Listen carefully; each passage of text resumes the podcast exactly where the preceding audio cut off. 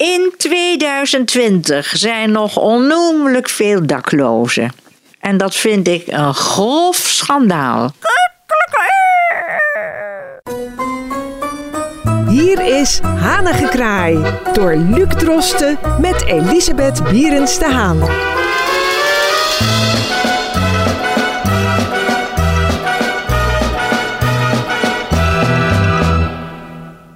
Dit is de negentiende podcast Hanige Kraai. En niet alleen de negentiende aflevering, maar ook de eerste van het nieuwe jaar. Mevrouw Bieres de Haan, ik wil u een heel gelukkig nieuwjaar wensen. En uh, ben eigenlijk, uh, want het is 2 januari, vooral benieuwd, heeft u een goed uiteinde gehad? Ja, uitstekend. En ik kruip als een muisje in een hoek, want de raketten vliegen hier door de straten heen. En zolang daar toch niks aan verandert, want die raketten laten zich niet weerhouden om bij een grenspost om daar de andere kant op te vliegen. Dus retiré pour mieux sauter. Ik zit in een hoekje en, en dan hoor ik tot mijn grote vreugde als de bommen ophouden te vliegen. Nou, dus het was een, uh, laten we zeggen, een rustige nieuwjaarsavond voor u. Een rustige nieuwjaarsavond. Ja, of oudjaarsavond moet ik zeggen. Ja. Nou, uh, gelukkig nieuwjaar. Dat ten eerste. En voor jou ook. Ja, dank u wel. Voor iedereen. Ja. ja. Uh, is natuurlijk mijn volgende vraag, want die kan niet uitblijven. Doet Elisabeth Bierens de Haan aan goede voornemens? Helemaal niet, want die heb ik elke dag. Omdat speciaal op één dag in het begin van nieuwjaar om dan te zeggen: Ik heb goede voornemens. Ik vind het ook. Ik vind het gewoon laar. Het is goed voor de zwakken. Ja, dat is ja. niks voor mij. Wat bedoelt u daarmee? Ik bedoel dit mee. Elke dag heb ik me voorgenomen al. Ja, vanaf mijn jeugd, dat ik elke dag iets goeds doe. Ja. Maar wat bedoelt u met dat is goed voor de zwakken? Nou, dat is meer voor mensen die uh, zich te buiten gaan aan drank en roken en drugs en lang slapen en ongeregeld leven. Die gaan dan zeggen, we gaan het nou eens veranderen. Maar dat is bij mij niet aan de orde. Gelooft u niet in de heilzaamheid van lang slapen? Uh, early to bed and early to rise makes a man happy and wise. Nou, en dat is een, uh, uh, daar kun je niet zoveel tegen inbrengen. Wij uh, gaan het toch een klein beetje houden in de richting van de goede voornemens. Want u heeft, laten we kunnen zeggen, een nieuwjaarsreden om te delen met de luisteraars. Waar misschien menigeen die toch nog ergens hoopt een goed voornemen voor het nieuwe jaar te kunnen bedenken, wat uit kan halen. de nieuwjaarsreden van Elisabeth Bierens de Haan. Nou, ik zou zeggen, mevrouw Bierens de Haan, het woord is aan u. In 2020 zijn nog onnoemelijk veel daklozen. En dat vind ik een grof schandaal. En ik vind het een grof schandaal dat op deze aardbodem nog mensen op straat liggen en dat wij dat hier hebben. Ik loop op het Olympiaplein en daar ligt een vrouw tegen de pui van een winkel aan. Ik zeg, wat is dat allemaal? Ja, ik ben een verpleegster en ik heb geen, geen werk meer. En s'nachts slaap ik op Schiphol. Ik zeg, dat moet afgelopen zijn, dat is krankzinnig. Het is morgen kerstmis, daar gaan we wat aan doen. Dit is het adres van het leger des Heils op het Roelof Hartplein. Daar hadden ze een soort dependance. U gaat er naartoe. En dit is mijn kaartje, dan weet u met wie u te maken hebt. En niet uh, denken van ik doe het maar niet. Ja, u doet het wel, want anders dan kan ik niet meer slapen van de ellende. En toen zei ze, nou, dat vind ik ook wel heel vreselijk hoor. Ik zei ja, en dat hoeft niet als u doet wat ik zeg. Ze pakte er spulletjes op en ze liep voor me uit. Ik zeg, nou, dan daar, die straat door, het ongeveer 20 minuten lopen. En dan hebt u een onderdak en vandaar gaan ze u verder helpen. Maar dat dit in 2020 nog gebeurt. Gisteren ook weer een meneer Harry met zijn vrouw. Zijn vrouw zet hem op straat. Hij heeft geen huis, hij heeft geen werk. En hij heeft tijdelijk een onderkomen van een huis wat verbouwd wordt. Dan kan hij zes maanden s'nachts verblijven.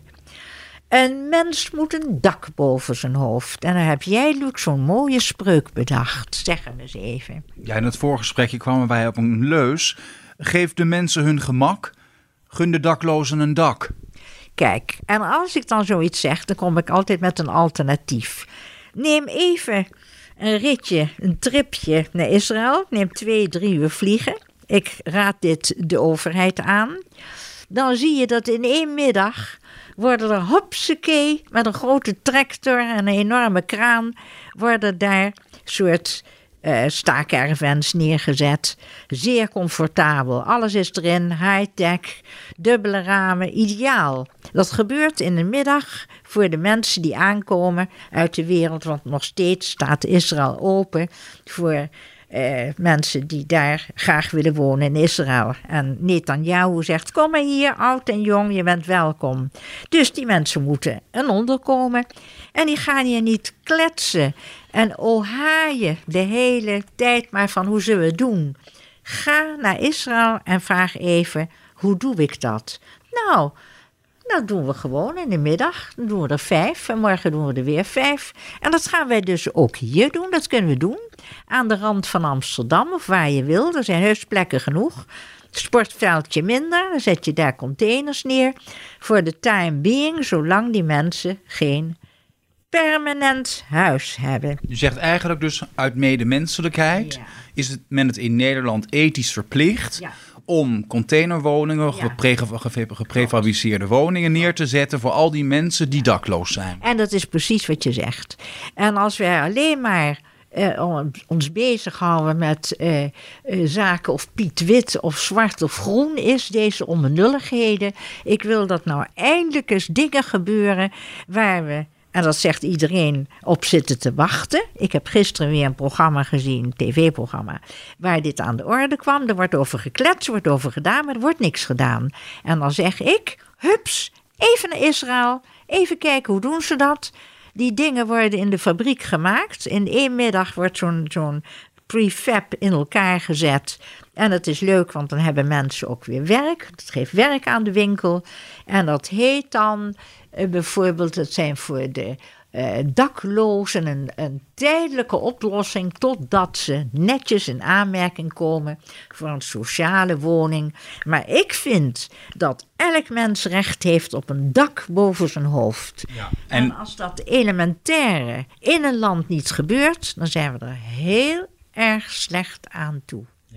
U uh, noemde net al even het leger des heils. Ik begrijp dat u ook ooit major Boshart nog in levende lijven heeft uh, ontmoet. Ja, op een groot feest. Ik had een stand op een feest en allerlei disciplines waren er. Johan Cruijff was er, Daniel Waaienberg was er, uh, de prins was er. Maar ik zat naast major Boshart, die werd kolonel. En dat feest, de baten van dat feest gingen naar, natuurlijk naar het leger des heils. En deze vrouw, ja, die heeft zo prachtig werk gedaan. En ik zie dan nog met prinses Beatrix, toen nog koningin, de, langs de wallen lopen en kijken of er dingen waren die niet door de beugel konden. En major Bossart ging het café in. En die ging daar met hoeren en met pooiers praten. En ze vertellen over het geloof. Kijk, dat zijn de mensen met hart en ziel. En dat is heel wat anders dan dat je zegt: ik leef alleen maar voor mezelf. En ik heb vijf Ferraris voor de deur. En ik heb een uh, racebaan in Zandvoort. En dat zeg ik expres. En dan denk ik: zulke mensen verdienen een oorkonde. En dat is Major Boshart. En dat is uh, tevens de indirecte uh, tip voor mensen die dus een goed voornemen nog zoeken wellicht. Kijk om naar een ander. Is dat misschien de, de boodschap die we eruit kunnen destilleren? niet alleen kijk om naar een ander, maar steek een hand uit. Dus eh, als je eh, iemand ziet die het moeilijk heeft, zegt je kom even hier. Hè, en uh, ik zal je even helpen. Kan ik je helpen? Of is er iets waar je mee zit? Of kan ik dit voor je doen? Of waarom heb je aan, aan die muur geen beugel? Want straks maak je een smak als je die trap op gaat. Zulke dingen. Little things mean a lot. Nou. But not in Holland. Niet bij iedereen. Wij uh, zijn er volgende week weer.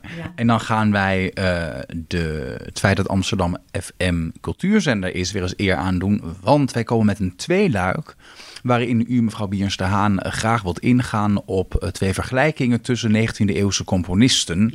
En daarbij ook met name in wilt gaan op de romantiek. There's more between heaven and earth. Uit die bron putten ze. En daarom hebben ze zoveel prachtige muziek nagelaten. Ik ben heel benieuwd naar de vooral muzikale vergelijking die dat volgende week zal opleveren.